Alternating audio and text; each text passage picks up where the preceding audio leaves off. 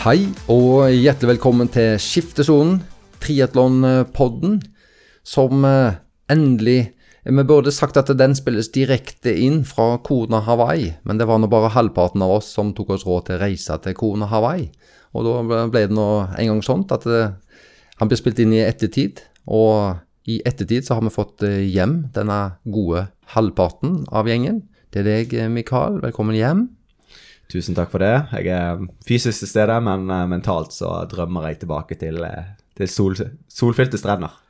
Og med en tolv timers eh, tidsforskjell, så er vel det litt av grunnen til at det gikk noen dager før vi fikk spilt inn episoden nå. For da, jeg ville ha gjerne hatt spilt inn på kveldstid, men kveld klokka åtte-ni for deg var jo tydeligvis nesten natt.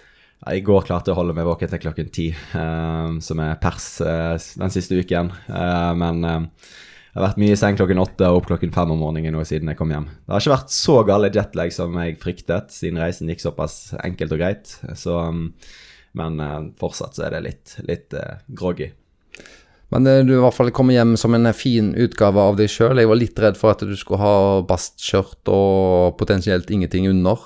Men ren og pen i tøyet og nøttebrun og lekker. Ja, jeg har jobbet hardt for den brunfargen. Det kommer ikke gratis, folkens. Det gjør det nok ikke. Det er jo ingen tvil om at denne, denne episoden må dreie seg i stor grad om um, eh, kona. Eh, du fikk jo anledning til å, å, være der nede, og i siste episode eh, Siste episode så snakka du med Christian og Gustav der nede. Spilte ned en liten eh, episode når dere var og møttes der. Og episoden før det så var vel du der nede i USA eh, og jobba sammen med eh, Colin Chatier og han Lionel Sanders. Og hvordan, Den perioden du, du, var der og fikk bli kjent med dem, hvordan var den inngangen mot eh, kona? Altså, du, det var jo, Vi andre tror jo at det er en feriereise ned i god varme og bare trening og kos, men hvordan opplevde du denne, de siste ukene før kona? Um, nei, vi snakket jo litt om hvordan trening gikk um, da i forhold til Dallas og sånt. Um, så etter det så gikk uh, egentlig trening ganske fint. De restituerte kjapt og var klar til videre, videre godt arbeid, både Lionel og Colin. Um, reiste til Kona da fredagen etter Dallas og to det blir vel to uker før løpet, eller to og en halv. Ja, et eller annet sånt som det.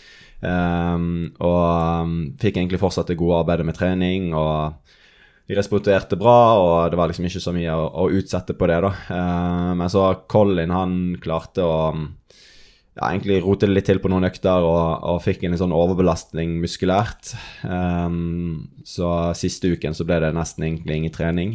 Um, eller det ble ingen, ingen, trening. Og så um, klart sånn, trakk jeg på en sånn kråkebolle og fikk en sånn halvveis infeksjon i foten. Uh, og med det så var vel egentlig ambisjonene om å gjøre det et godt løp uh, på, på, VM der uh, ganske borte, da. men jeg svømte greit og var på en måte med i det, da, ut på sykkel. og så klarte han å punktere, og så uh, klarer han å bytte det, så, eller fikse det, og så um, uh, havner han vel et minutt eller to bak en sånn gruppe, og så er, er velger han å sprinte seg opp igjen, da, så bruker fem-seks minutter på beste vann han har hatt fem-seks minutter i år. Um, så det var jo ikke akkurat så veldig smart. Så da um, fader han ganske mye på sykkel, og så får det tungt på løpingen i tillegg. på en måte. Altså, det blir en samsuri av ting som ikke skulle gått sånn som det gikk. Så det var jo litt kjedelig, men uh, ja, det er ikke så mye å få gjort noe med akkurat nå. Vi har lært, lært fra det. For Lionel sin del så har han han har jo slitt mye i varmen. Eh, han har noe i det som kalles en varmeskade. Eh, så han har nok gått for langt på et eller annet tidspunkt et eller annet tidligere år. Som gjør at når du på en måte nærmer deg overoppheting, da, så, så, slår kroppen seg av. Så det er veldig sånn fascinerende å se på noen sånne intervalløkter på løping, spesielt der han egentlig løper ganske fint, og så plutselig bare fungerer Klarer han liksom nesten ikke å bevege seg. Må ta liksom et to minutts pause, og så eh, kan han fortsette. Og Det er det som er det rare, at han kan liksom bare fortsette rett etterpå. Men på gjerne litt, litt lavere fart. Um, så det, liksom, det, ble bedre og bedre på mange øktene vi hadde, og egentlig mer og mer trygg på at det kanskje kunne gå bra. Um, uh, for formen var stigende, og han leverte egentlig topptall sånn forhold til treningen han gjorde. Uh, bedre enn før St. George. Um, men så kanskje han roter det litt til på noen av de siste øktene. Kjører litt for hardt eller endrer litt på innholdet. Eh, og så kjører han litt sånn taktisk dårlig løp der han velger å liksom stole på vattmåleren istedenfor bare henge med en gruppe i de første 15 minuttene og så sitte rolig der, da. Eh, men det, på løp så blir det liksom sånn som han har fryktet, at eh, på en måte kroppen, kroppen slår seg av, da. Så um, får se hva vi klarer å få til i forhold til den varmebiten eh, til neste år. Ja, han eh, satt jo på et sånn en vlogg eller noe han lagde etterpå. Eh, og nå ser han vel at han skal ta seg en liten pause fra det Ironman-greiene. Han må bygge seg opp og spesielt bli bedre å svømme. Men han eh, han eh, sa jo Han kritiserte ikke sin coach Michael, Michael, men at han gikk vel langt i å si at det virker nok som at hans kropp ikke helt passet det samme opplegget som Christian og Gustav gjør. Altså indirekte at han antyda at eh, det var nok litt for hard oppkjøring til hva han tåler. Um, han har jo ikke gjort det samme som Gustav og Christian. Jeg vil påstå at de trener mer og hardere enn en Lionel gjør. Men uh, kanskje den største forstyrrelsen innen dette løpet her var jo å kjøre det Dallas. Og jeg sa jo ganske tydelig til både han og Colin at det å kjøre Dallas er egentlig bare helt idiotisk. Det gjør forberedelsene til Kona veldig, veldig vanskelig i forhold til å få et, uh, et optimalt løp på det. Som man liksom stokker om en god del av treningen, som gjør at kanskje en periode ble litt hardere enn det man kanskje ønsker, og så blir det på en måte roligere periode pga. konkurranse, og så må du på en måte ja, stokke det litt om som som jeg ikke så på som, som, bra, da, men de ville absolutt gjøre det. Og Lionel ville jo òg ha så tøft program som mulig, liksom vinn eller forsvinn-tanke i forhold til det å uh, Eller all, all, or nothing i uh, forhold til løpet, uh, kona. Um, så han på en måte fikk jo det som han ville, men um, kanskje, han, kanskje han ikke helt husker hva han, hva han har sagt. Men skal ikke ha sånn offentlig basketak i, i media her nå, men um, Uh, han, er jo, han, er jo, en veldig offentlig person. Uh, og det, det, er jo mange som på en måte Det jo mange, det er jo mange som feiler på kona. Sånn, temperaturene gjør jo at uh, Og klimaet gjør jo på en måte at en dårlig dag eller de små marginene blir enda større avstand enn det ville vært i et kjøligere løp. da um, Så liksom, det blir eh, Altså, Lionel han er jo offentlig med det han sier, og det er mange andre som på en måte gjorde det like dårlig, som ikke, ikke har sagt så mye, og man ikke snakker så mye om. da Men eh, Uh, ja. Men sånn eh, Vi så jo de som både følger Lionel eh, i sosiale medier og følger deg, for så vidt. Så ser vi jo at dere, disse ukene dere er i lag, både, både Colin der og, og Lionel, så ser vi jo at dere virker jo få tette bånd. Eh, jobbe tett i lag, bli mer kompiser, henge i lag, trene i lag. Eh, og, og, og, og, og bli kjent med hverandre. Eh, sånn, den der kompisgenet der, og har du inntrykk av at eh, de fortsatt har tillit til deg når det gikk sånn som det gikk? At dere deler fortsatt samme filosofi, eller føler du at det var altså, resultatene her gjør at de må tenke seg om til nye jaktmerker på hva trener, treneren angår? Eh, jeg har ikke inntrykk av at de ikke har tillit til meg. Spørsmålet er liksom hvem, hvem skulle de ellers hatt? Eh, altså, skal de velge en annen trener i så tilfelle? Og det er ikke sånn det er jo ikke bare bare det heller. Men um, det, er noe, det, er ikke noe, feil å bli mer kjent med hverandre. Det er jo bare en styrke, egentlig. Å kunne, kunne vite mer hva hverandre, hva hverandre, tenker og hva hverandre mener i, i forskjellig treningssammenheng, og på en måte òg kanskje i et sånn restitusjonssyn uh, på det, da. Uh, sånn som jeg sa i forrige pod, altså jeg har ikke vært med de på trening tidligere, med Lionel eller, eller Colin, så det å på en måte bli for meg mer kjent i hva beslutninger de tar i forbindelse med en trening, eller på en måte hva Eh, som for Collins del, hva er urinstinktene hans forhold til uh, at han egentlig bare vil kjøre maks hardt hele tiden. Og det å på en måte se og oppleve det blir jo på en måte veldig avgjørende for meg hvordan jeg kan hjelpe de videre. Um, og for de da, og at de vet at jeg, jeg har sett de, og hva de gjør, og alle de tiltakene som, som følger med i en sånn optimalisert eh, toppidrettshverdag, da. Og det er jo på en måte Det er veldig små marginer i, den, altså i det som de holder på med. da man Altså, det er på en måte safe, men samtidig så eh, Alle småtingene med å få i seg næring, med å få i seg eh, væske, med søvn hvordan man på en måte, Hva valg man tar på en rolig økt. Velger man å på en måte hele tiden pushe lengden på den, eller roe ned? altså Det er mange sånne småting, da. Så Gustav og Kristian har jo levd denne filosofien i 12-15 år og på en måte vet alt som de skal gjøre riktig hele tiden. Det er, liksom, det er så naturlig for dem eh, for den filosofien som de har, da. Men jeg ser liksom de de som er trener av utenlandske utøvere. Altså, de har ikke levd den samme filosofien og lang, samme kulturen. og uh, Det på en måte er kanskje det største hinderet for de i å ta det neste steget, sånn som jeg ser det. Fordi du må på en måte enten hele tiden følge det opp, eller så det går fint i noen uker, og så plutselig så går det ikke så fint lenger. Og det, vil det, dette med kulturen være det som du har fortalt før, det er at det, disse landslagene i Norge eh, har på en måte nesten konkurranse på å treffe perfekt på, på økta. At det, det, er liksom ikke den som trener hardest som nødvendigvis eh, vinner økta, men den som treffer mest etter planen. Er det sånn typisk sånn kulturen i Norge? Eh, ja. Sånn som den økten som var på en vlogg der det var plutselig en gruppe som sykla sykkelintervaller. Altså, det er jo en av den øktene Colin valgte å drepe seg sjøl, fordi han blir så blir så ivrig da, med å vil sykle fortere og vil sykle hardere, fordi han sykler med en gjeng, da. Som er jo egentlig helt idiotisk. Ja, for jeg husker det var vel både Kristian og Gustav sagt at de, det er sånn den som treffer på laktat, eller treffer på det, de skal, skal treffe, det er, sånn, det er den som har vunnet økta, ikke nødvendigvis den som kommer først til, til målstreken når det gjelder trening, i hvert fall. Ja, det er um, sånn som, sånn som vi har vår filosofi. da. Det er noen som ikke har den måten å gjøre det på, egentlig bare kjøre maks hardt. Men da er på en måte all den andre treningen òg tilpasset det at uh, man ikke skal uh, på en måte holde igjen, da. Men uh, for vår del så med alt det volumet og, og, på en måte den totale treningsbelastningen man skal ha, da, så, så går ikke an å holde på på den måten. Så fikk du jo vært på Kona. Legendarisk. Hawaii, Kona. og Eh, du, det var jo sånn da Dameløpet gikk på torsdagen, herreløpet gikk på lørdagen. Eh, de dagene der, sånn tirsdag, onsdag, torsdag, fredag, eh, lørdag, hvordan var det på Hawaii, Kona? Um, jeg har jo ikke noe sammenligningsgrunnlag fra, fra, tidligere, da jeg har ikke vært der før. Men det var første gang det var to dager på løpet. Um, og um, det er jo totalt rundt 5000 deltakere. Det var 2500 fredagen, og så var det 2500 på, på lørdagen, hvis ikke det er feil. Nei, på torsdag og, og lørdag. Altså hver person sånn, bringer vel, tar vel med seg én eller to personer sånn statistisk på en Ironman. Så pluss at du har da en del staff som kommer der fra Ironman, og så har du en, en god del merker som kommer der til, og så har du òg en del som på en måte reiser der som tilskuer. Um, så de sier vel det er rundt 25 000 personer som kommer til Kona, uh, eller til uh, The Big Island, da, for å, for, å, um, uh, for å, være der. Og det er jo helt latterlig mye mennesker um, som skal ha et sted å bo, da. så i år har jeg hørt at det var flere som bodde litt sånn rundt, altså lengre spredt ut på øyen, da. Gjerne i flere Altså Gustav og Christian bodde vel på Vaikaloa, tror jeg heter. Vaikaloa, ja.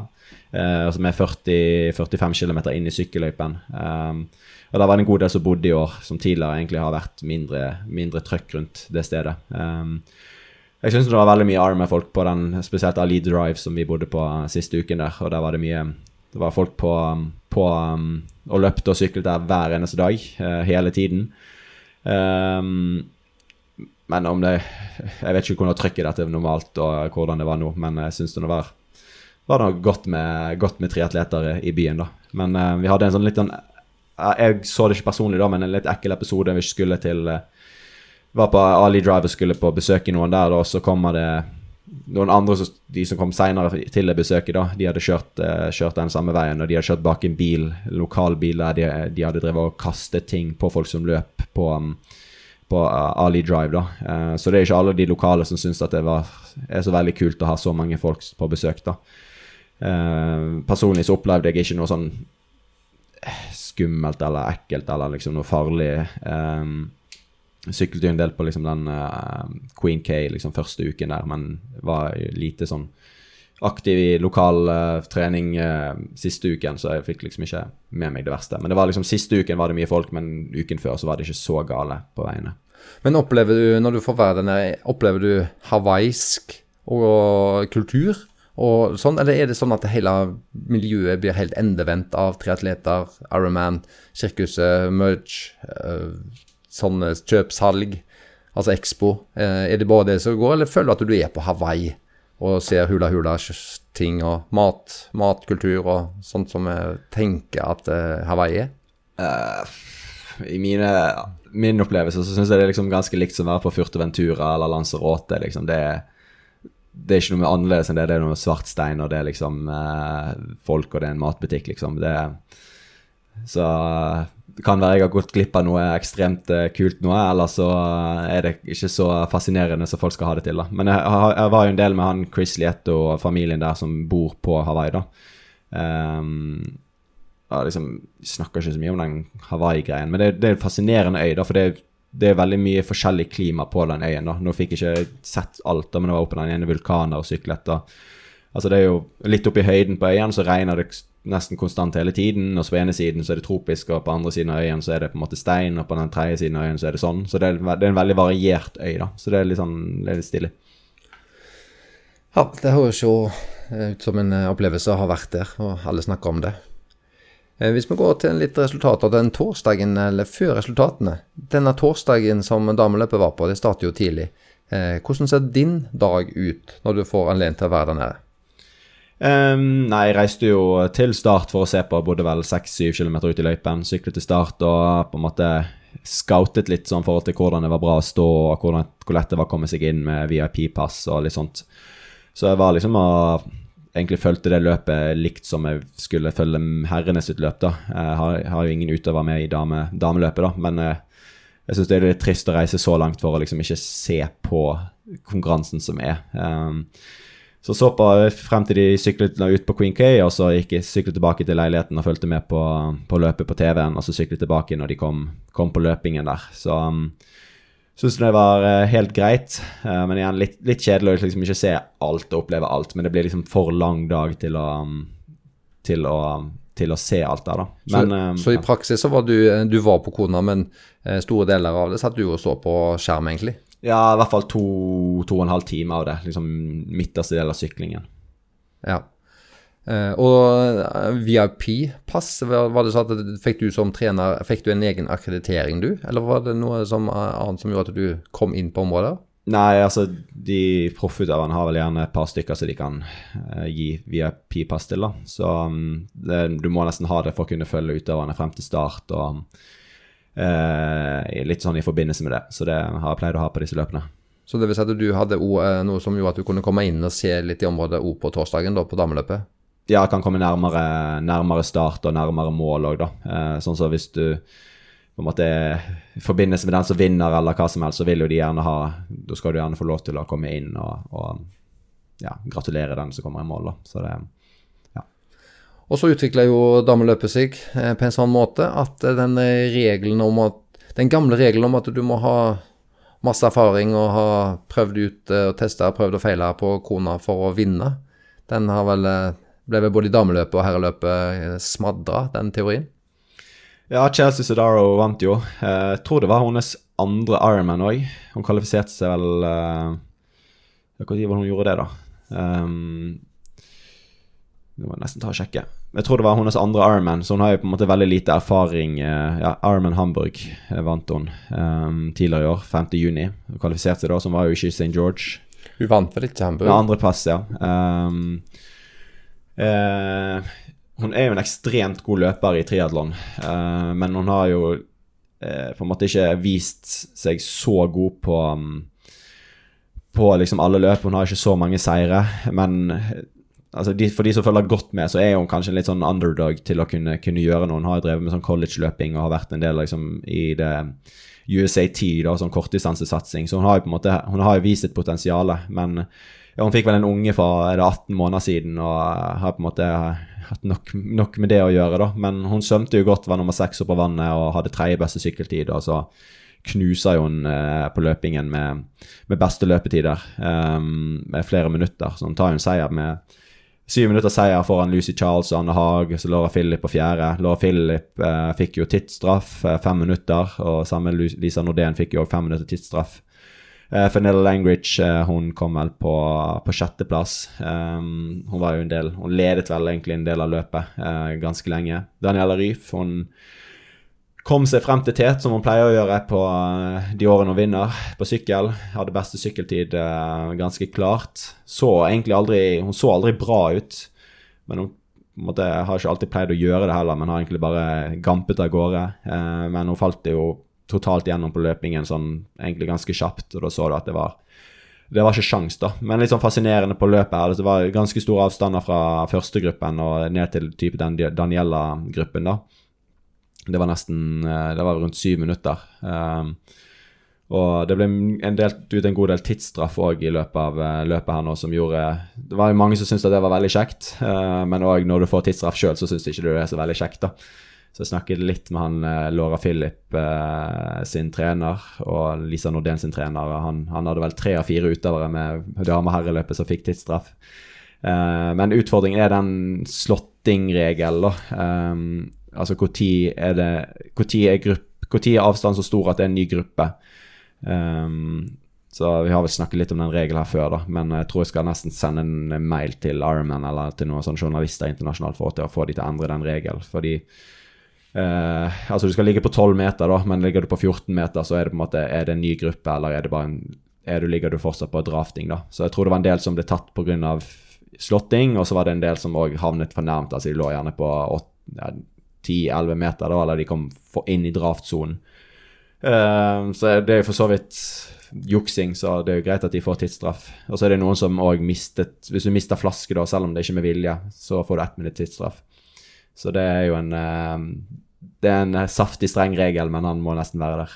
Jo, men Det er jo ganske krevende og disse her tolvmeterne når du kommer i ei gruppe og er i en lang, lang, lang kø, så må du jo sykle forbi kanskje 10-15-20 stykker i samme renn. Ja, det er det som er problemet. Altså, de altså, refleksmarkørene i, i, på veien er på en måte det de dømmer etter, da.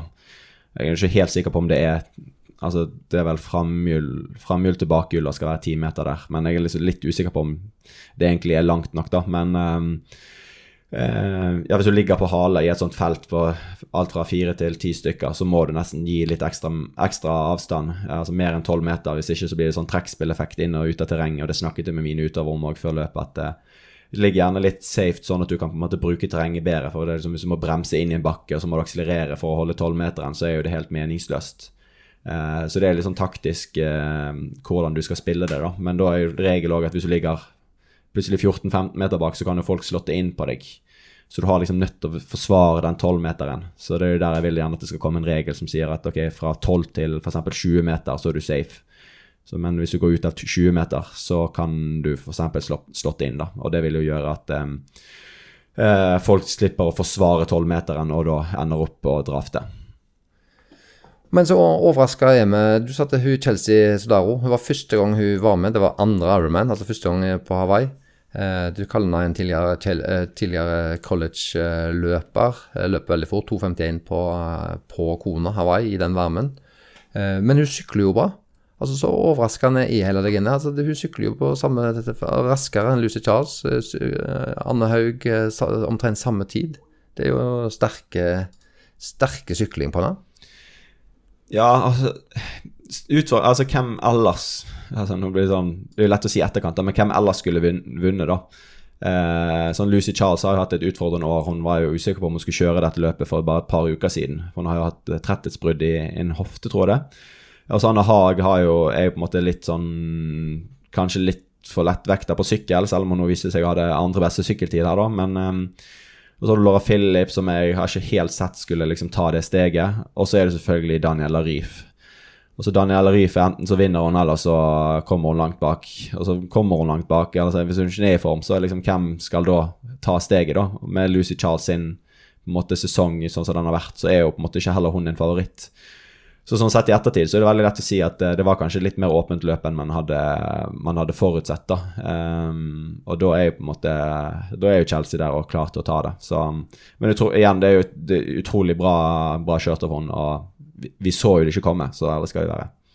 Men så uh, skuffa eller imponert er du over Lucy Charles, da, som da kommer på en annen plass etter å ha hatt en uh, veldig krevende sesong, og faktisk leverer. Selvfølgelig mye takket være nok en sterk svøm.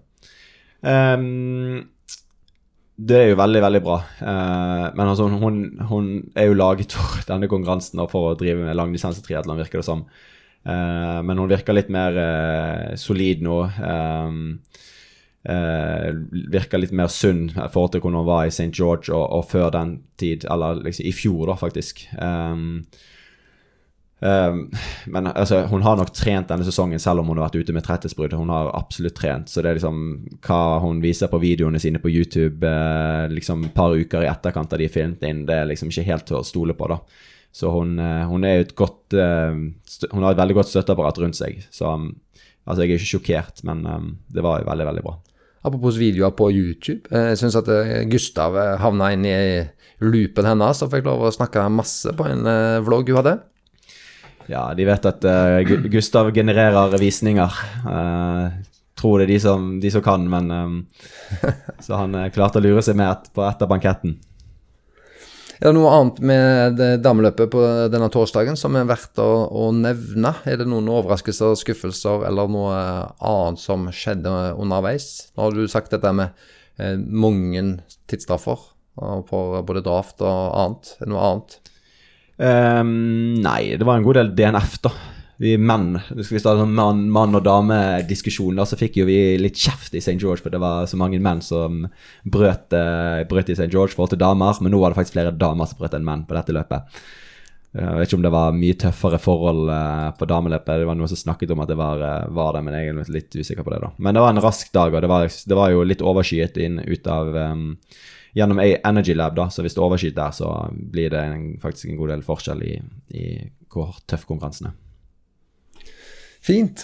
Og så kommer vi jo til jeg må si rosinen i pølsa med tanke på oss eh, nordmenn, i hvert fall. Men generelt egentlig til alle triatlon-interesserte.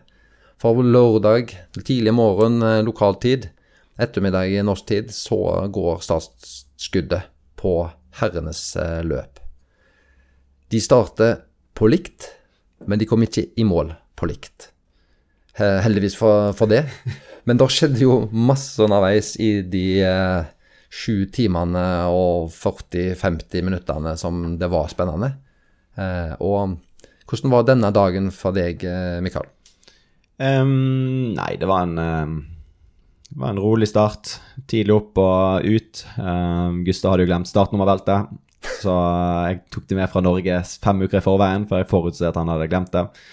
Så jeg ga det til han før start, og han eh, ville ha noen andre sponsorbriller, så hadde han har heldigvis skaffet noen sponsorbriller til meg, så han stjelte de tilbake igjen og brukte de på um, Skulle sette de opp i skiftesonen. Um, men ellers en ganske ja, normal morgen. Så det var veldig Det var veldig mange som var utrolig nervøse uh, når de satte opp uh, skiftesonen.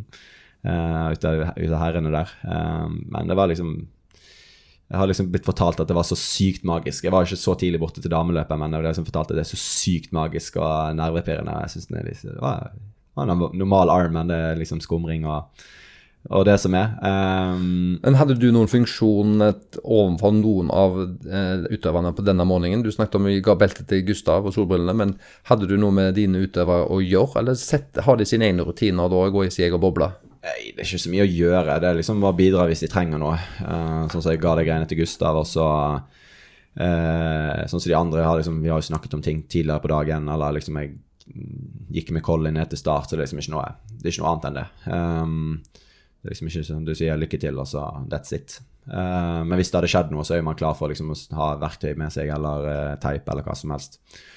Um, Men, men ramma der, da? Du sa at du, det var ikke så sykt magisk. Det har blitt sagt det er så magisk. Men er det, er det eksempel Er det tusenvis av folk på starten, eller er det liksom noen coacher og noen eh, nær familie som eh, står der? Heldigvis så kan jo vi på en måte trenere med akkreditering komme litt nærmere de da, så det er liksom et gjerde mellom publikum og skiftesonen til, til proffherrer, da. Og så har du en del Så er det 2500 stykker som skal starte i løpet av det neste timen, eh, halvannen der.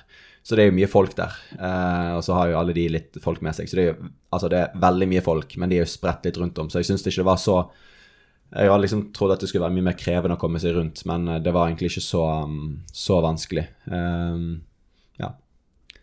Men du står jo hos en Altså, publikum-opplevelsen, de har kanskje mer opplevelse med at de står mer tettpakka, sild i tønne, mens du eh, er jo da på et akkreditert område som kanskje da mer består av profesjonelle folk som er, har arbeidsoppgaver og fokus på, på sine utøvere. ja, så det var veldig greit at det var ikke så, så stressende miljø som jeg hadde fryktet. Og vi på en måte hadde noen Kunne gå litt sånn ganske lett til start, fordi de neste age-gruppene starter jo et stykke unna. Så sånn organisert startområde var veldig, veldig bra, syns jeg, i forhold til at eh, det så ut som på en måte de puljene som skal gjøre seg klar, de klarer lett å komme, komme seg til det. Og de som skal inn i skiftesonen og sette det opp tidligere på dagen, de, liksom, de går inn et annet sted. Så liksom, det er ikke veldig mange folk på ett sted som gjør det, liksom, ting helt umulig. Så går starten, og den største overraskelsen, jeg må bare gå rett på den største overraskelsen min, det var det at det, det var jo en som eh, fra bergenskanten som eh, ikke ble født i vann. Han ble født på et sykkelsete, eh, har vi sett over lang tid. Og han plutselig kom han helt opp eh, til, til en blant teten. Han hadde vel åttende beste svømmetid. Hva var det som skjedde med Gustav? Hvordan kunne han komme eh, til T1 som en av de aller første? Um, jeg tror Gustav har jo fått rykte på seg at han er en veldig dårlig svømmer, men han er ikke en dårlig svømmer. Det er bare det at nivået på ITU for eksempel er veldig, veldig høyt, og marginene der blir veldig store når det er liksom Du nevnte sild i tønne. Eh, men han har svømt bra i det siste, det har han visst fra trening. Og så har vi òg hørt rykter om at svømmingen kom til, ikke kom til å gå så veldig fort i år. Var han Josh Amberger som har pleid å dra hardt de siste årene. Han var jo ikke der for å for å sette gass fra start. Ehm, så det var liksom ingen som hadde Det var ingen som på en måte tok initiativ til å svømme skikkelig fort. da. Så det går jo fort, men når plutselig er det flere som sitter med fra start fordi det liksom ikke blir dratt av gårde, eh, og så roer det seg litt ned på noen tidspunkt, så er det veldig mye lettere å sitte med. da. Uh, og du, altså, du blir jo dratt med på sånn svømming. Det er jo som å sitte i et sykkelfelt. Uh, og da er det sjanse for de som gjerne av og til er litt dårligere svømmere, til å, til å holde følge. da. Så selv om det var litt, litt sånn varierende tempo, kanskje hardest de første 1500 meterne, så, så er det ikke så hardt at Gustav ikke kan sitte med. Så det var ikke sånn, jeg er ikke sjokkert over det, da, men um, det var jo et veldig greit utgangspunkt for resten av dagen. Men når du sto der da opp til T1 og du ser at Kristian og Gustav kommer hakk i hæl Kristian på vel femte beste tid og Gustav åttende beste, men de, de er jo i samme Det er bare fem, seks, sju, åtte sekunder mellom de. Altså, Blir du overraska, glad, oppstemt, eller regner du bare med at det er sånn det skal være? Ja, altså, jeg har ikke fulgt uh, på en måte de supertett siste perioden, men eh, man ser jo det at det er en veldig godt utgangspunkt for resten av dagen. Uh, vi sto jo på en måte på toppen av den Palani Hill, da, som de skal passere to ganger første ti kilometerne. Uh, så vi sto liksom ikke i skiftesonen da. Så vi har gått opp og så satt og sov litt på en kafé, så sendingen der, og så gikk vi ut i løypen igjen. Eh, så da så vi liksom at det, ok, dette blir en grei dag, og så var det på en måte å se litt hvor avstanden er når de kommer tilbake igjen. da, sånn han, Magnus Ditlev er på vei opp, og han Max Newman hadde på en måte satt ganske høyt tempo fra start. og ja, så det, Du får ikke gjort så veldig mye mer enn å bare gi tidsavstander eller egentlig bare se de passere. Så det var å observere resten av dagen. Hva tenkte du eh, der oppe så du så de da? Der, eh, hadde Colin eh, punktert på det tidspunktet? Eh, han punkterte på når han skulle tilbake igjen på andre passering, så da var det på en måte plutselig han hadde tapt så mye tid og var i en annen gruppe. Ja. Så eh, du, eh, er du overraska, er du skuffa? Tenker du å gjøre noe grep, du, når, mot dine utøvere, eller er det mer at du går over i modus og begynner å holde med kun de norske da? Uh, jeg var i ganske reservert uh, humør resten av dagen, for å si det sånn. Du var reservert på vegne av dine egne utøvere. Ja. Men uh, så etter hvert som det utvikler seg da, med, med sykkel, når du da eh, Hvis vi går litt vekk fra dine egne utøvere, da, for de ser jo ikke de kapitulerer, de ligger langt bak i feltet, de kommer seg ikke opp. Eh, han eh, Colin eh, punkterer, som du sier, og kjører litt for hardt, en eh, fem minutter. Eh, og så ser vi jo at de norske stabiliserer seg. Eh, er det kun data de kjører på? For de kjørte jo veldig jevnt, og de hadde jo på langt nær beste eh, sykkeltid. Altså sånn Gustav eh, og Kristian, de slapp jo annet han Samleilov med ganske mye. De sykla jo vel fem, seks, sju minutter saktere enn han. Så datadreven som vi er, så hadde faktisk ikke Gustav koble, fikk ikke koble til wattmåleren til klokken. Uh, kjører på klokke istedenfor computer. Så um, uh, han kjører nok bare på feeling og det som han uh, Han har ikke noe, særlig noe andre valg, da. Men uh, han sitter jo greit i gruppen, og det virket ikke som at han de sleit så mye. Men det blir jo mindre og mindre gruppe, og så blir det veldig sånn Ja, Sam Laylow går vel på et litt sånn lite brudd opp mot eh, opp mot eh, vending der. Eh, og så går Ditlev etter, men han får ikke flaskene sine nå på den drikkestasjonen, så han blir jo eh, ganske sint, så han må stoppe opp for å få tak i flaskene sine. Eh, og så tar han de igjen i nedoverbakken, men da eh, ender han opp med å komme inn i draftsonen, så han får fem minutter tidsstraff, så det var på en måte hans løp ødelagt. Eh, Og så på en måte ser det ut som Gustav og Christian blir presset litt å dra i den altså Det blir vel gruppe nummer to, da, med Sam Lalo som plutselig ender opp med å, å, å forsvinne litt i front. Um, men altså, du har jo ikke du, har, du, du, kan se ganske langt frem på en god del tidspunkt, men du har jo ikke noe tidtaking sånn rundt om i løypen sånn i særlig grad. Uh, så de må jo på en måte bare kalkulere i at det er greit nok, og de har på en måte kanskje forventa at Sam Lalo skal fade, da. Men altså, jeg syns jo i utgangspunktet, hvis du følger regelverket, så skulle jo Sam Lalo hatt fem minutter tidsstraff. Uh, for han ligger ikke på hvit linje, uh, eller ligger liksom til høyre i, i sykkelløypen. Og vet at det var uh, en ut av de andre herrene som fikk tidsstraff fordi han ikke la seg fort nok inn til høyre igjen etter å ha passert en gruppe. så da ble det på en måte regnet som blokking, da. Men Sam Lalo så det samme i Peter O'Dallas, at han lå veldig mye midt i veien, og det er egentlig, det er egentlig ikke lov, da. Um, og så spesielt da når du har motorsykler, en god del motorsykler rundt som ligger midt i veien, så har du, får du veldig mye drafteffekt. Så sånn Egentlig så skulle han ha tidsstraff eller uh, syklet en god del saktere pga. han får så mye effekt av, av alle motorsykler. da. Vi så jo det på dameløpet og sånn, på Lucy Charles ved det ene tidspunktet. Hun ble på en måte dratt opp i tet, for det er sånn fem motorsykler bak Finella. Uh, så dessverre så spilte det en, en stor faktor uh, inn. Så la oss si man kalkulerer det vekk, da, så skal det kanskje Sam komme på tredje- eller uh, femteplass. da, Eller tredje- eller fjerdeplass. Um, men ja, men, men han, gjorde jo, han, gjorde jo, fortsatt jobben. han, han gjorde fortsatt jobben, og han, han la jo ned en god, god innsats. Men sånn, hvis, når det var så mange som fikk tidsstraff, ja. og på en måte når man skulle følge regelverket så strengt, så, så ble det litt dumt at han får lov til å gå, gå fritt sånn, da.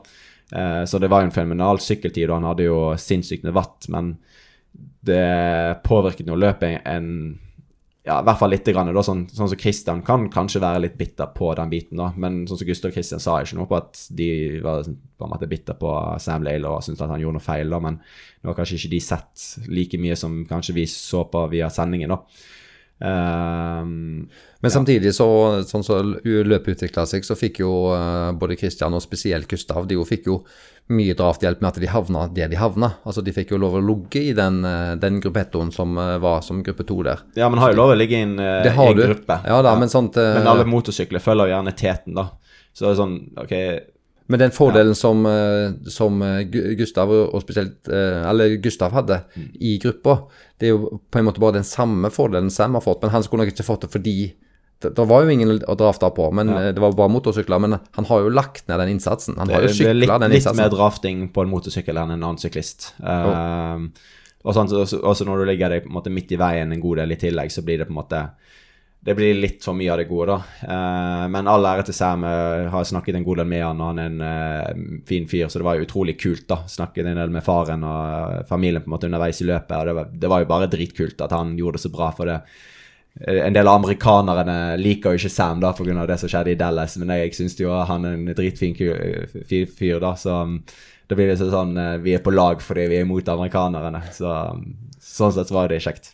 Men sa du igjen, eh, nesten bare i en parentes, at eh, han eh, som Vi avslører jo ingen Selv om vi går gjennom løpet nå, så avslører vi vel ingenting til noen av lytterne her at det, at det var Gustav som vant. Det håper jeg ikke vi avslører. Men sa du nå, i en parentes, at verdensmesteren møtte på start og ikke var bedre forberedt at han, at han klarte ikke å få klokka og wattpedalene til å snakke i lag? Det ble krank, men jeg, ja. Det, det, er Gustav.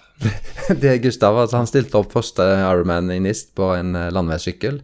Eh, fordi han hadde ikke noe annet. Og så vant han den. Og så nå eh, Jeg bare tenker på en del av oss eh, mosjonister og age-grupper som eh, hadde vel latt være å stille til start hvis du ikke hadde fått eh, kobla opp noe watt eh, krankarm eller pedaler. Ja, det er jeg vet ikke om jeg hadde giddet etterpå, så jeg har stoppet og fikset det. du hadde stoppet og fikset det? Ja, stoppet og fikset det. Men han kjører på, men selvfølgelig han har mye erfaring, men han, han, kjører på feeling, mener du da? Og legger seg trygt der han vet han kan ligge? Ja, de har brukt noen timer rundt den uh, intensiteten som de skal kjøre på under løpet. Og uh, på, en, på, et vis så kan du si at du skal uansett bare følge gruppen, så det er liksom ikke så nøye.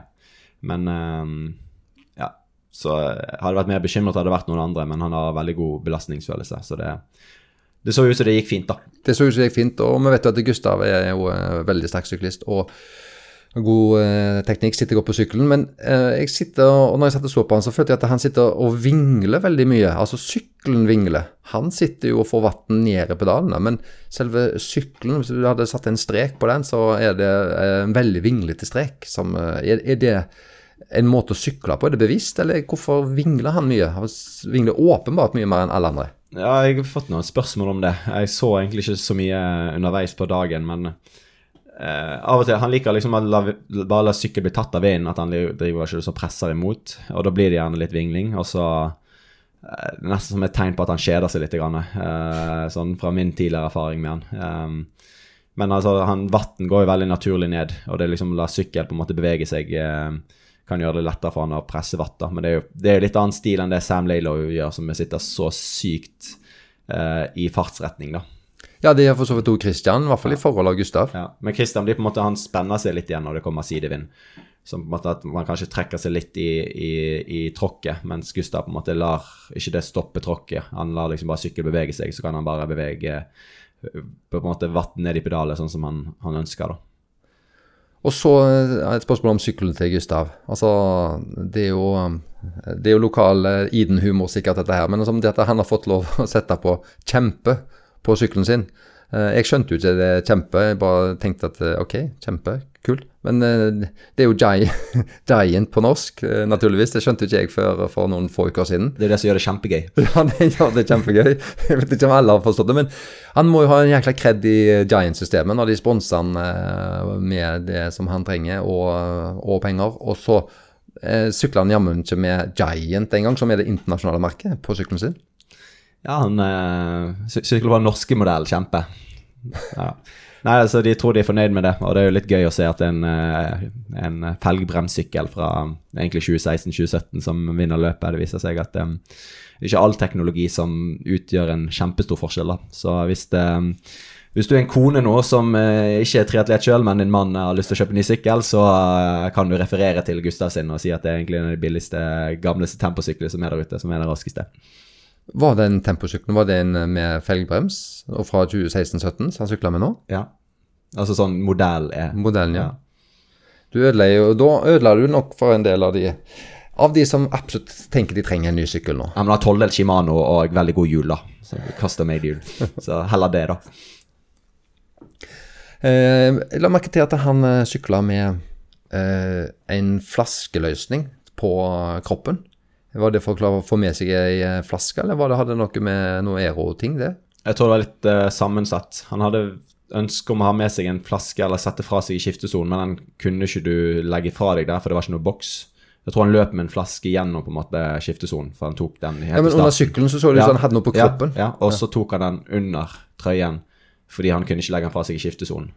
Og da ble han på en måte bare liggende der. Og så har jo, litt sånn tilfeldig, så har vi testet flaske eh, på en måte på brystet i vindtunnel og vet at det, du ikke taper noe på det. Eh, det er kanskje til og med litt raskere. Um, så det er på en måte et praktisk sted å plassere noe hvis du trenger å plassere en flaske. Ja, så det var, det var litt bevisst, men òg litt tilfeldig i dette tilfellet, da. Ja. Så kommer skiftesonen til to, og så har de, da ligger de jo et uh, stykke bak. Uh, var det drøyt seks minutter? De, uh, og Gustav kom ut bak eh, Sam Laylow. Eh, og da eh, starter de jo med en plan. Den planen blir fulgt ganske bra, men det skjer vel noe underveis der de må justere noe. Hvordan opplevde du den løpen? Nei, de tok jo ikke så mye innpå uh, um, sånn jevnt og trutt. Det var sånn, De tok inn på litt, men det var ikke så veldig mye. Uh, og så var det veldig mye motvind når du kom opp på Queen K da, og skulle løpe da nordover. Uh, da prøvde jeg liksom å kommunisere til Gustav at kanskje du skal la Christian dra litt. Grann, men Kristian kan jo òg høre hva jeg sier, da, så han uh, Så det blir litt, litt så der, da. Men uh, i hvert fall dele litt på arbeidet. Og så um, syns jeg nok at Gustav så veldig komfortabel ut, men så plutselig smilte Kristian og liksom gestikulerte litt. Grann, så da var det sånn Ok, kanskje Kristian er i veldig god form, han òg, for han kan jo se ut som han sliter veldig. Dette var jo kanskje ja, rundt 20 km inn i løp, løpingen, da. Um, men så Christian opp og drar, så senker han tempoet veldig mye, for han vil ikke dra på Gustav. Så Kristian har nok visst at Gustav hadde på en måte var den sterkeste løperen her og på en måte måtte bare prøve å finne en måte å, å slå Gustav på. da. Eh, men de tar liksom ikke så mye inn på Sam, og de begynner av faktisk å stresse litt med tiden frem til Sam når de kommer inn i Energy Lab. og jeg tror jeg vil si, eller, det, det er to og et halvt minutt dere tar ikke inn på. Um, og så ut av Energy Lab så velger Gustav å rykke, og da på en måte flyger tiden ganske mye ned til Sam. da. Um, så siste ti kilometerne så er det bare å prøve å følge ja, følge de på veien tilbake igjen. Sykler, um, sykler på motsatt side av motorveien, stopper og løper over og så gir, gir tidsavstander. og da Kristian blir veldig opptatt av hva som skjer bak og hva som skjer framme. Um, uh, og prøver bare å hjelpe han sånn tidsmessig til, til mål så fort som mulig. Um, sånn at han ikke mister tredjeplassen sin, eller heller på en måte kanskje holder fokuset mot andreplass. Men uh, Sam Lalo fader ikke, og Max Newman også, gjør jo et utrolig godt løp. Han er jo kanskje enda mer sånn underdog og uh, ut av det blå enn Chelsea, sånn sett, i mine øyne. Um, så det ble jo utrolig spennende løp helt til slutt, så det må ha vært gøy å ha sett sånn på TV, um, på TV dette greiene her.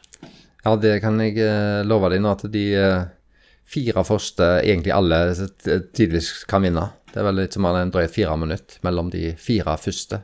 Så da, da er det jo teit. Uh, det var jo teit igjennom sju timer og, og 40 minutter. Ja, det, var, det, må ha vært et av de mest spennende Ironman-løpene som har vært der ute. Spesielt når det blir skift i leder så, så seint i løpet, og liksom hva Christian holder holde det. Og så. Ja, så det var, det var interessant det å følge med. Men din funksjon her, altså nå sier du at du hjalp, at du så Kristian, Han kom med en, liksom, liten gest, og så så du Gustav, og så orienterte du deg underveis og sykla langs en motorvei, og så inn og møtte de på ulike plasser. Hva gjorde du da med egne utøvere? Var det sånn at Gustav og Kristian vant din, din oppmerksomhet på, under løp? Ga du opp dine to, eller gjorde du noe med det jo? Uh, nei, jeg fikk sett de én og to ganger um, underveis. Uh, sånn som Rudi så jo jeg. Uh, men det var liksom dårlig timing for til når de var Energy Lab sammen med Gustav og Christian og, og Sam. da. Um, så det, var, så, det var, ikke så mye med de å gjøre sånn underveis. Altså, de er såpass langt bak, og de beveger seg fremover. Så det er liksom ikke så mye, mye å få gjort, da. Jeg, jeg, liker jo på en måte å være i løypen frem til siste mann går i mål, da, men nå fikk jeg Christian Jeg måtte liksom time han helt til mål, tenkte jeg, og så gikk jeg ned til målområdet. Men akkurat liksom, tenkte at Gustav allerede gått i mål, så var liksom ikke, jeg hastet ikke ned. Da, mens plutselig da jeg var der nede og ikke hadde gått inn, så, gått, så, så gikk han i mål. Da. Så det var litt sånn uh, nedtur, så jeg fikk liksom ikke sett han gå i mål. Men jeg fikk nå gått inn der etter hvert. Det var en sånn dame fra Ironman som kom ut og hentet meg og sa at uh, jeg kunne gå inn. Så. Ja, jeg så jo etter deg i målområdet. Jeg trodde ja. du skulle være en av de som kanskje skulle få en klem av. Jeg liker egentlig ikke de som kommer liksom fokuserer på å stå i mål og vente. Det er egentlig helt meningsløst. Du skal egentlig stå ute i løypen og uh, ta tiden og hjelpe de uh, stå eller løpe inn, da. Um, så jeg, jeg feilet mine egne prinsipper, egentlig, så det er litt, litt skuffet over. Jo, men treneren til Gustav var vel den eh, første som fikk en skikkelig bamseklem? Ja, men hva gjør, utgjør det noen forskjell? Nei, men Det er en god Det kunne utgjort en, god... forskjell for til at han hadde tapt fordi treneren står i mål og venter. sant? Ja. Det er det jeg, eh, sånn jeg tenker. Eh, men, men løpet, altså du sa at Gustav måtte starte løpet altså, og endre planen sin litt. Han måtte øke tempoet før han hadde tenkt. Eh, kanskje noe mer òg. Og han beskriver vel òg at eh, i han, etter han passerte Sam Lillow, så husker han vel omtrent ingenting. Det var det eh, hardt og vondt eh, inn. Hadde han kontroll? Jeg tror han hadde kontroll. Jeg tror det var litt det at uh, han hadde liksom ikke noe mentalt å fokusere på lenger. Han har liksom jaget etter Sam, jaget etter Sam. Altså det er en veldig enkel arbeidsoppgave. Og så plutselig er du tet, og liksom Du ser at du kan vinne, liksom. Uh, det er liksom ikke noe å, å, jage etter, da. Og det var kanskje det som gjorde at det var liksom tøffest uh, siste biten. Uh, så, så, man har jo holdt på og konkurrert lenge, da, men jeg tror nok det var liksom mer sånn, sånn Shit, hva, hva, skal jeg tenke på nå? Følelse. Så jeg tror ikke han Han var nok sliten, men um, hadde det vært en til rygg foran han, så kunne han sikkert jaget litt til òg. Vi som så på, var jo uh, skiftesonen. Uh, la ut et klipp idet de passerte hverandre, eller Gustav passerte Sam. Og Det er jo den eh, situasjonen som vel har fått eh, nesten mest oppmerksomhet etterpå, i god sportsånd og eh, kameratskap og, og, sånt. Vi ser at eh, Gustav eh, klapper til Sam, og de har en sånn en Gimme Five-greier. Jeg tror det blir sagt noe. vet du hva som ble sagt og gjort i den seansen? Jeg tror det kom ut en artikkel der Gustav sa 'I'm proud of you' til Sam.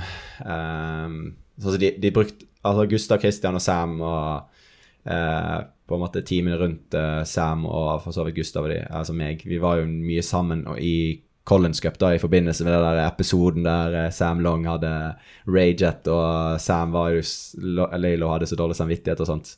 Så vi, de brukte veldig mye tid sammen i, i Collins Cup tidligere i år. Så de har på en måte blitt veldig, veldig gode venner sånn sett. Så da var det litt sånn Bare sånn mutual respect-opplegg. Så Gustav sa at 'I'm proud of you', med at Sam hadde levert et så sterkt løp. ja.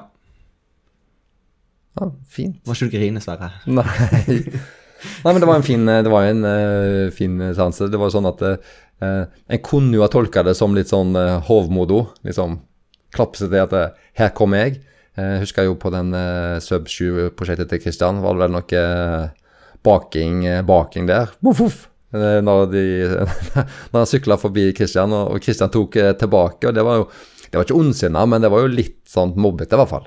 Ja, det er vel bant, banter det heter på engelsk. Jeg vet ikke hva det, det norske ordet blir, men litt sånn eh, Litt sånn tulling eh, Ja, ikke fiendskap, men litt sånn ja, litt sånn på gøy, da. Så Sub 7 med, eh, med Joe Skipper og Christian var jo bare Det var jo bare på gøy. Men det er noen som tar det seriøst òg i, i sirkuset, sånn som Sam Long gjorde med, med Sam Laylo, da, uten at det egentlig var det.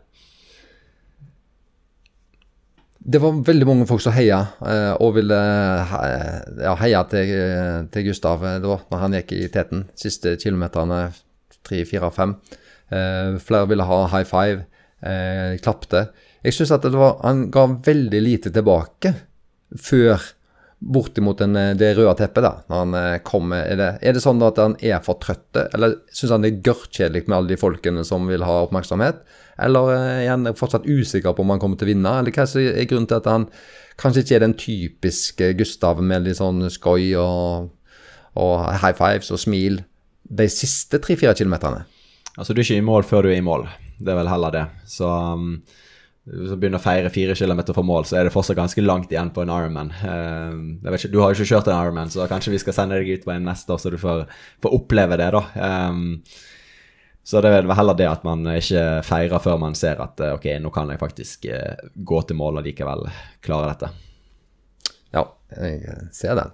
Jeg bare tenkte at han kunne vært enda mer kompis og «Ah, gleder for Hei, hei, yes, Men yes, det yes. framstår egentlig bare cocky hvis du begynner fire-fem kilometer før mål. Ja, fordi at det er jo, det er jo så utypisk eh, Gustav å framstå som cocky. Det er bare så utypisk. Framstår altså cocky, altså. Være sånn leken, tenker Ja, leken, han passer det jo så lenge han leverer. det. Ja.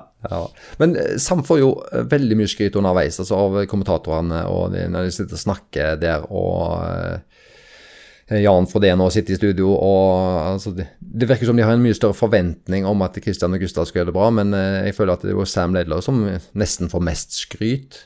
Eh, er det sånn at det, det er han som egentlig er den største snakkisen eh, på den, den konkurransen? Jan nekter jo for å ville like de norske, så han finner jo bare alle grunner for å liksom ikke like de norske. Så Han er jo sånn Sam Ledler, og han er jo stjerne fordi han går, tør å gå hardt. og han er, å, Det er akkurat sånn ånd som jeg liker å ha det. Altså, det- blir jo det blir nesten for dumt å høre han Jan snakke, men eh, Jo, men altså, jeg Sånn som du sa litt tidligere i episoden, altså, jeg har litt lyst til å sette en stjerne ved Sam Leilos resultat pga. den potensielle draftingen. Da. Det, er jo mange som har hatt effekt av eh, på en måte motorsykler og syklist, andre syklister i feltet, da, men sånn som jeg ser sendingen, så syns jeg det på en måte blir kanskje nesten litt vanskelig å tolke hvor bra det egentlig var. Men så bra er det å løpe med løpesko, som eh, nok aldri hadde blitt godkjent i et uh, gateløp eh, med Et godkjent gateløp. Altså, det var jo noen nye sko som det ble noe diskusjon om, men uh, altså, alt godtas jo tydeligvis i triatlon. Uh, det var vel en prototype som Gustav løp med. Er det noe som Hadde han vunnet med noen andre sko? Han sier sjøl at han hadde vunnet med andre sko. Um, kanskje ikke så mye, da, for vi må jo bygge opp sponsoren hans og si at han vant mest med disse skoene. Uh, men um, altså, jeg synes det blir litt Jeg har lest en del kommentarer på, for, i forbindelse med skoene, da. Og det er jo ikke mange år siden Friidrettsforbundet kom med denne regelen. Så, så alle friidrettsfolk tenker å det er ulovlig, det er juksing, jeg skjønner ikke hvorfor de får lov til å bruke det. Men friidrett hadde jo De lagde jo den regelen, to år siden? På at skoene kunne være så så høy. Så de har jo hatt lov til å bruke høyere sko der tidligere. Uh, og det finner Adidas lager jo òg en ulovlig høy sko um, som folk kan bruke i triatlon. Uh, men så er det sagt sånn bare fordi den blir høyere og høyere, og høyere, og høyere, betyr ikke nødvendigvis at skoen blir bedre og bedre. og bedre, bedre, bedre. Men altså, den skoen til Gustav har han sagt er, han er latterlig god. Så han er jo bedre enn alle andre sko han har brukt når de har målt på en måte effektiviteten rundt racepace. Så, så sparer han en god del krefter, ja. Da har vi ikke sagt hva slags merke det var, men eh, det kan vel sikkert folk klare å finne ut av. Hvis det er interessant, for blant de samme folkene av dere som også tenkte at de trengte en eh, ny sykkel. Så da er kanskje greia at uh, bruke en gammel sykkel, men kanskje nyere sko. Du kan kjøpe faktisk to par sko, og så limer du dem sammen. Da nærmer du deg den skoen som ikke det. Det var en lang oppsummering av krona. kona. Det, vi følte at det krevdes det. Eh, fordi at, eh, Spesielt fordi at Mikael hadde vært der, punkt én, og så at to nordmenn virkelig presterer. Leverer som mange forventa, men første- og tredjeplass Ironman. Og Gustav O var jo den som eh, klarte dette her som en debutant, som en fortsatt ikke trodde var mulig. Beste eh, rekord med vel ca. ti minutter på, på, løyp, på løyperekorden, og raskest eh, løp. Så alt var imponerende. Mikael det var uh, Jørgen uh, Gundersen har jo pleid å være med oss nå. Han kunne ikke uh, være med i dag på denne innspillingen, for han var på vei hjem fra Mallorca, var det vel. Han har hatt en liten ferie, men han kombinerte vel Han sa vel han skulle på en treningsleir i den episoden sist, og så skulle han løpe og være med på Challenge Mallorca. Og både Jørgen og Christian Grue var med der. Er det noen store overskrifter? Er det grunn til å tro at Jørgen eh, ikke vågte å være med i dag, eller var det at, fordi han faktisk eh, reiste hjem, eh, tror du? Nei, Det var nok fordi han reiste hjem at han ikke kunne være med i dag. Og så dessverre så tilpasser vi tiden på innspilling meg og ikke Jørgen foreløpig. Um, men vi satser vel for å få med han på neste episode. Um, men Jørgen ble nummer 15 på det løpet. Husker ikke helt hva kommentarer han hadde på Instagram om det. Og Christian Grue ble nummer 9, så de har vært på treningsleir med med OI før dette. Og sånn som jeg forstår det nå, så er det um, sesongpause på, um, på, begge de to guttene. Så det var jo, det var jo grei, greit nivå i toppen der, så um, det var en fryktelig mange deltakere. Så det var, um, var nok godt nok, det, Jørgen. Ja, det var det. Jeg vil ha de med her videre i podkasten. Selv om det bare ble en 15.-plass. Eh, VTCS, eh, Cagliari har det vært. Det var vel eh, kun noen herrer som uh, var med? Ja, det var jo samme dag da som um, Det var vel fredagen, så sam, mellom da herreløpet og dameløpet på Kona. Så um, ja, Alex Gi vant foran uh, Jonathan Brownlee og uh, Messias fra Brasil på tredje. Um, så um, Johnny var vel i et lite brudd på sykkel, eh, hvis jeg ikke husker helt feil. Uh, så Alex måtte løpe det han kunne for å ta igjen teten, og det klarte han. Han hadde visst stoppet visst og hadde kramper, jeg har ikke sett løpet sjøl. Uh, eh, men løper vel likevel på 29,18, da, så jeg tror jeg telte 11 stykker under 30 minutter på dette løpet her. Så jeg er litt usikker på om distansen er riktig. Der hadde vi Vetle med. Han hadde vært litt småsyk uh, inn mot dette løpet. Han ble nummer 32. Um, så løper på 32,11, uh, som er for så vidt ganske fort fortsatt, men likevel langt bak på resultatlisten. Jørgen ble nummer 37. Løper på 33,34 og en egentlig veldig god tid. Men um, det er veldig høyt nivå på um, VTSS-løp om dagen. Georgia Taylor Brown vant dameløpet. Løper på 32,43. Det er raskere. Det er vel ja. på tide med Vetle, det er raskere enn Jørgen. Ja, så um, ja, Jeg tror nok det er litt sånn litt kort løpeløype, men likevel. Emma Lombardi uh, hun er vel junior-verdensmester, eller U23-verdensmester fra i fjor. Hun uh, kommer til å bli en verdensstjerne uten like uh, om et år eller to. Uh, og Taylor Nibb, som er tilbake fra en, uh, en, ja, en lengre skadeperiode, ble nummer tre tilbake på podiet i VTSS. Var kjørte òg den PT O'Delle som var førsteløp etter skaden hele sommer. Er det det siste som skjer, eller er det noe mer i denne sesongen på VTCS? Det er to løp igjen, tro det eller ei. Det er Bermuda da om tre helger, så den første helgen i november. Og så er det òg da Abu Dhabi Grand Final siste helgen i november. Um, Så sesongen der har vært fryktelig lang, og enda lengre skal den bli. Vet du om det er noen av de norske som har tenkt altså å bli med på noe her? Um, så Gustav og Christian og Vetle og Solveig skal kjøre Bermuda. Um, og Abu Dhabi blir vel stort sett den samme gjengen, tror jeg. Kanskje noen flere. Eh, du har hørt lite fra Lotte.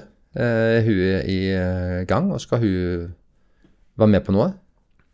Ikke som jeg vet for øyeblikket. Hun har jo hatt litt utfordringer denne sesongen. Um, så har jeg ikke fått konkurrert så mye som hun kanskje ønsker. Men um, jeg er litt usikker på hva som, hva som skjer akkurat nå. Jeg håper vi får henne tilbake. Hun har jo vært en av de sterkeste norske kvinnene. Jeg føler jo at vi trenger henne på laget. De, du, Vi glemte å nevne altså, Vi snakket jo om uh, Jørgen og Kristian på Challenge Mallorca. Uh, det var det, jeg la jo merke til at på, på Kona så var de som uh, kom høyt opp. I sjetteplass var det vel cirka. Fanella Language.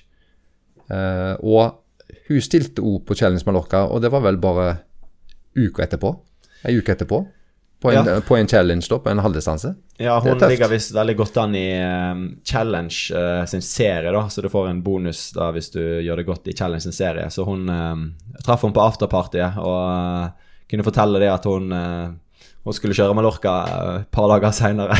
så det er ganske drøyt å reise rett fra fest og tolv timer tidsforskjell, og så um, kom på tredjeplass der, da. Det var nok ikke den verdens største prestasjon sånn konkurransemessig for hennes del, men uh, hun fikk nå sikre seg noen poeng, da, så får vi se om hun, hun, gjør det godt i den cupen i år.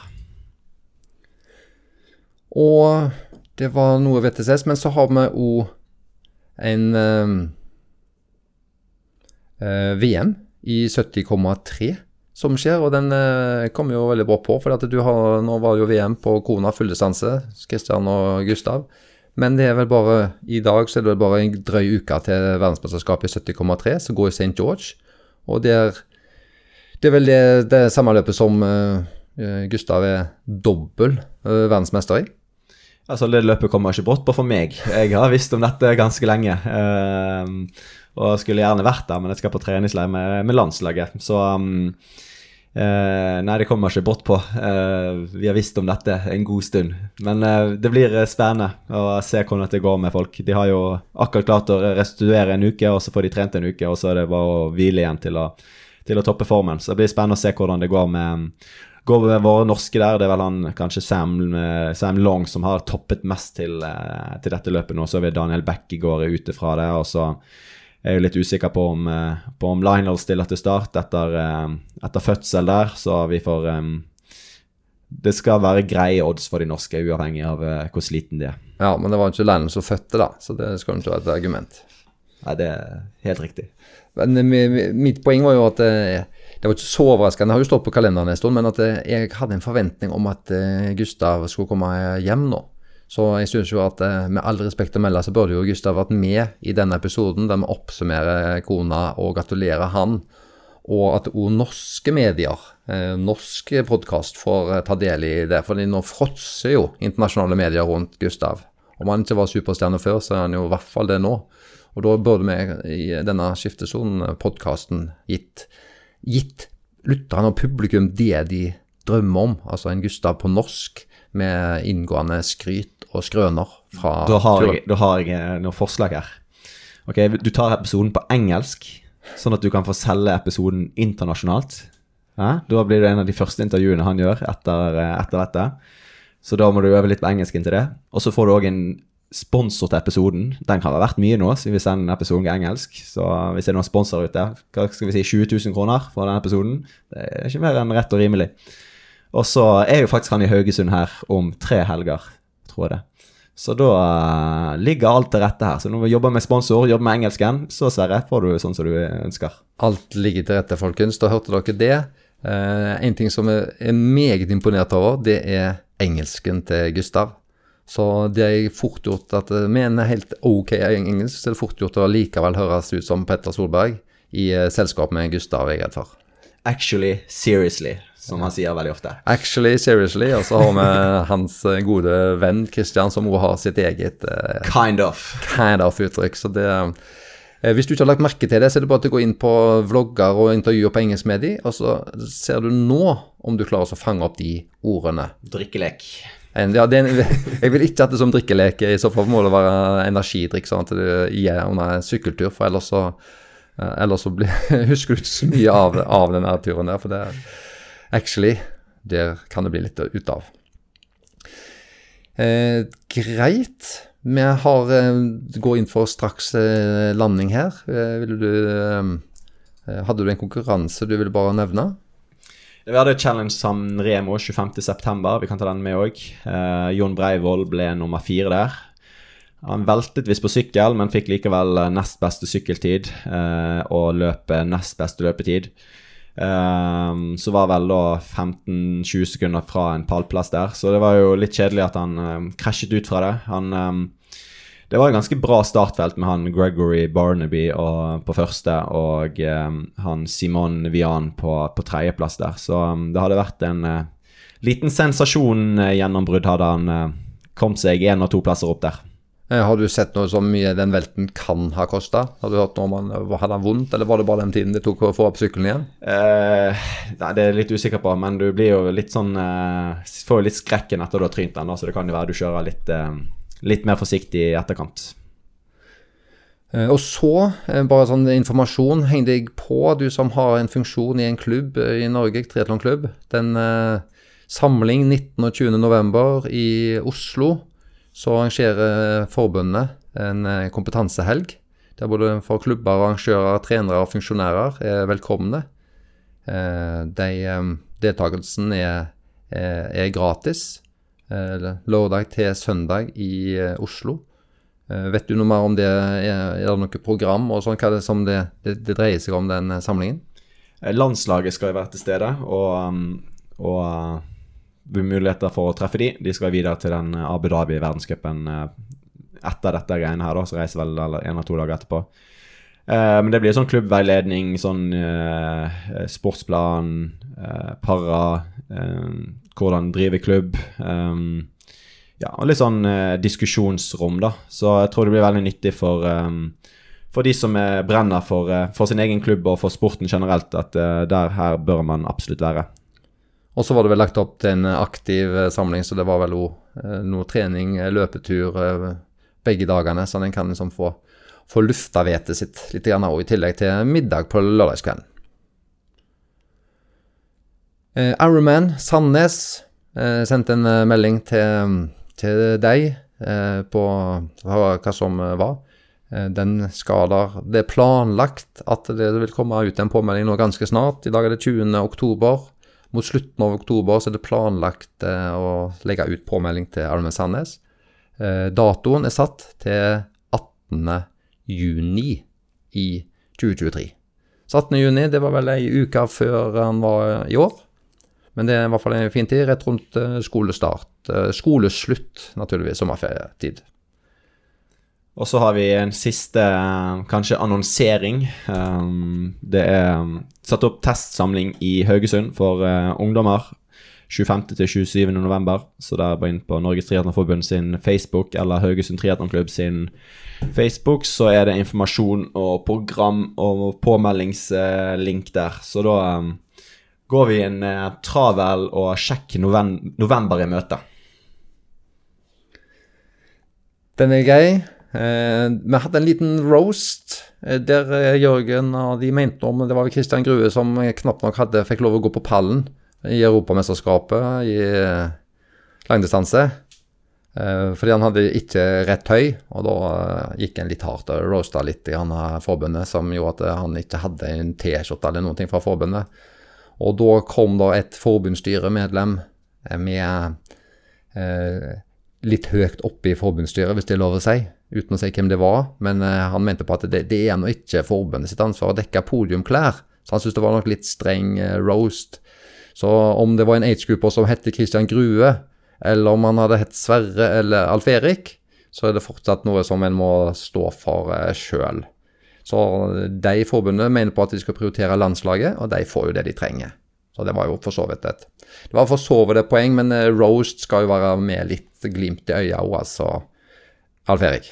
Så um, det var Det var litt gøyalt meint, men Kristian uh, er jo så nærme å være så god at uh, når du kommer på pallen i et EM, så så kanskje det skulle vært noe litt, Han skulle planlagt litt bedre. Han skulle planlagt litt bedre. så hvis du vet allerede nå, folk som skal være kjøre challenge-VM neste år, de må, de må planlegge podietøy hvis man har planer hvis de har planlagt, ja, hvis de har planlagt å komme der, ja. så må de det. Og hvis du planer om å kanskje være topp fem, så kanskje du skal uh, i hvert fall skaffe deg en T-skjorte, sånn i nødstilfelle. Eh, Mikael, tror du at vi har fått med det meste? Altså, Vi spilte jo inn, uh, vi spilte ikke inn, altså vi trodde vi spilte inn i ca. 40 minutter i dag. Eh, og så viste det seg at den rette knappen ikke var trykt på. Så da starta vi om igjen. Så det, tror vi kanskje ikke det ble nye 40 minutter, men vi forsøkte å få med det, det meste av det gode innholdet. Vi var egentlig skjønt enige om at det var jækla bra i dag når vi starta, og så, så plutselig var det ikke tatt opp. Tror du vi har fått med det meste? Ja, Hvis folk synes denne episoden var bra, så skulle de hørt den som vi ikke spilte inn. Åh, for den var mye bedre. Ja, Den har du hørt ja, igjen. Ja, vi har, vi har snakket kanskje litt fort nå uh, siden uh, Altså hele episoden for liksom ta igjen den tiden vi tapte der, da. Men um, jo, det var en god episode, så vi får se om vi klarer å ta en episode etter VM. Uh, da er vi begge i Haugesund igjen, kanskje. Det hopper jeg med, og da ser vi om vi snakker med Gustav på norsk eller engelsk. Eller ingenting. Han er sikkert litt fed up av å smile og snakke på vloggen til Lucy og til å snakke med alle mulige podkaster på internasjonalt språk. Så vi får se. Det får vi se på. Det gjør at jeg takker for i dag, og for ordens skyld, Mikael får siste ord. Takk for at du lytter. Jeg har ikke glemt uh, ungdomskonkurransen som jeg har denne sesongen. Jeg må bare finne ut hva jeg egentlig sa, og hvem jeg skal gi premie til. Takk for i dag.